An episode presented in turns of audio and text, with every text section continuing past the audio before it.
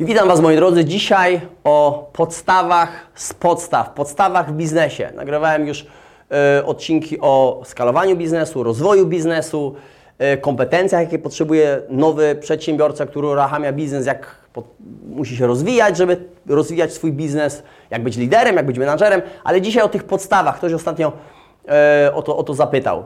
Łukasz, ale nagraj coś o tych podstawach, jak działa sprzedaż, co to tak naprawdę jest sprzedaż, skąd ona wynika, e, jak działają koszty, co to są tak naprawdę koszty w biznesie, e, jak się porównuje sprzedaż do kosztów, z czego wynika zysk.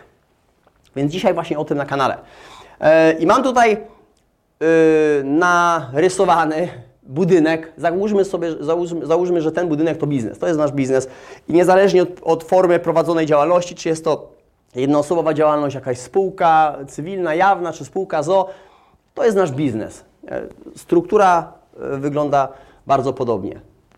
I tutaj po, po, po tej stronie e, mamy sprzedaż, czyli sprzedajemy towary lub usługi, może to jest produkcja, może to jest sprzedaż internetowa, może to jest usługa, nie wiem, firma budowlana, możliwe, że jest to, są to jakieś usługi marketingowe, ktoś jest fotografem, ktoś jest wideomarketerem, jakakolwiek usługa lub towar i ta sprzedaż tu się będzie, to będzie generowało jakąś sprzedaż. Ta sprzedaż się będzie tutaj, tutaj pojawiać z tej strony.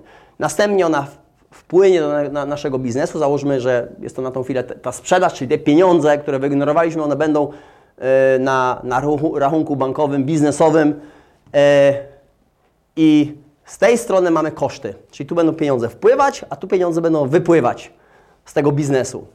E, I, i kosztem, kosztem będą wynagrodzenia, czyli że mamy zatrudniony zespół, e, jakiś asystenta lub ktoś z nami współpracuje. Możliwe, że na samym początku nie będzie wynagrodzeń, tylko będę ja jako przedsiębiorca, jednoosobowa działalność, no ja sobie muszę wtedy sam wy, zapłacić wynagrodzenie, o ile mnie na to stać. Czasami jest tak, że się uruchamia biznes, pokrywa się wszystkie koszty i nie ma pieniędzy, żeby zapłacić sobie wynagrodzenie, e, ponieważ są inne wydatki w biznesie, no i trzeba jakiś czas przetrwać bez e, faktycznie własnego wynagrodzenia. załóżmy, że ma się jakiś mały zespół, więc trzeba zapłacić wynagrodzenie. Wynagrodzenia jest czynsz, media, e, jeżeli się prowadzi biznes z domu, z pokoju własnego, ponieważ się świadczy jakieś usługi internetowe, to możliwe, że w którymś momencie ten czynsz się pojawi, ponieważ trzeba się będzie przenieść już do biura, biznes się rozwija, trzeba będzie zatrudnić jakiegoś asystenta, jakiś do, większy zespół, więc w którymś momencie te, te pewnie koszty związane z czynszem się pojawią. Jest paliwo, samochody, narzędzia, coś, co y, jest konieczne do tego, żeby ten biznes ogólnie mógł prosperować, żeby można było go rozwijać. Wszystkie inne koszty związane z tym. E, mamy też, kosztem też są podatki, więc jest podatek dochodowy, e, jest też VAT, który, wiecie, VAT tak naprawdę jest to, jest to przepływ y, pieniędzy. No, k, k, k, y, jako przedsiębiorca będziemy operować z kwotami netto, czyli netto plus VAT, więc ten VAT, który zgromadzimy tutaj, zapłacimy go tutaj. Jak dzisiaj nie będę mówił tak naprawdę o, o, o VAT-cie i z czego on wynika, kiedy płacimy VAT, a kiedy go nie płacimy, kiedy odzyskujemy, tak naprawdę jest to różnica w tym, ile VAT-u pozyskamy ze sprzedaży, do tego, ile y, wygenerujemy kosztów. Jeżeli to jest na tym samym poziomie y, i ta stawka VAT-u dokładnie jest taka sama, no to wtedy nie ma ani tyle VAT-u, co, co zgromadzimy, tyle musimy go zapłacić. Więc jakby to tak bardzo w dużym skrócie, natomiast kiedyś może nagram y, odcinek o, o podatkach i o VAT-ach. Dzisiaj nie koncentrujmy się. Podatek dochodowy pojawi się wtedy, kiedy jest dochód, kiedy biznes wygeneruje ogólnie dochód, zysk. Więc to sobie odłóżmy tutaj. Na, na tą chwilę mamy sprzedaż, i, na to, i, i mamy koszty, czyli wlewamy pieniądze, wylewamy pieniądze. I to, co zostanie tutaj z tego, jest to zysk. Jeżeli wie, sprzedaż będzie wyższa niż wygenerowane koszty przez ten biznes, pojawia się zysk. Jeżeli natomiast sprzedaż będzie mniejsza niż wygenerowane koszty, to będziemy mieć stratę.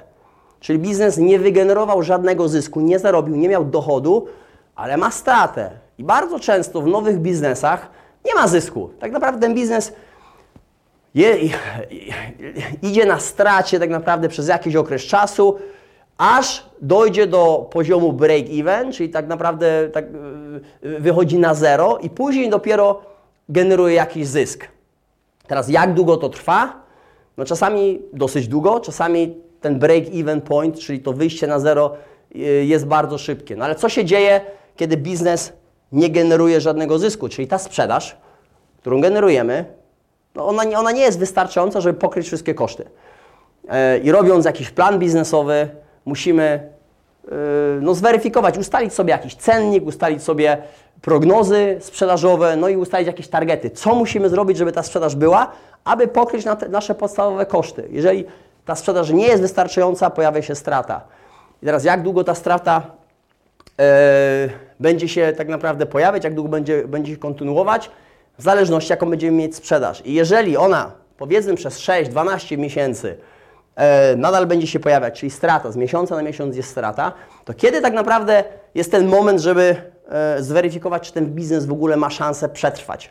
I, I na jakiej podstawie w ogóle będzie w stanie przetrwać, jeżeli nie generuje żadnego zysku? W zależności od tego, jak wyglądał plan na to, żeby ten biznes generował, kiedy powinien generować zysk i ile tak naprawdę mamy zaplecza finansowego.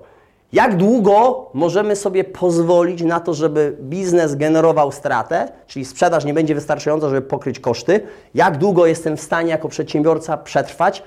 Jeżeli widzę, że ta sprzedaż delikatnie z miesiąca na miesiąc rośnie, ona rośnie, ale jeszcze nie jest wystarczająca, żeby pokryć yy, yy, te koszty, ale ona rośnie, no to teraz pytanie jest, czy mam oszczędności na to, żeby pokryć tą stratę z własnych środków, ponieważ byłem na to przygotowany, że ten biznes nie będzie aż tak szybko się rozwijał i będzie pojawiała się strata, a jeżeli nie, no to czy jestem w stanie się y, zadłużyć, wziąć jakąś pożyczkę, y, jakiś, jakiś kredyt na to, żeby zasilić biznes, pokryć tą stratę, żeby mieć przepływ, dalej przepływ gotówki, ponieważ wiem, że za 4, 5, 6, 7 miesięcy ten biznes, biznes wyjdzie na zero, następnie z miesiąca na miesiąc będzie generował, generował zysk, ponieważ widzę, jak on się rozwija i widzę, że sprzedaż rośnie i ma potencjał. Ja w to szczerze wierzę. Natomiast jeżeli widzę, że ta sprzedaż jest na takim samym poziomie lub może nawet maleje i nie ma potencjału, no to muszę podjąć decyzję jako przedsiębiorca, czy zasilę ten biznes,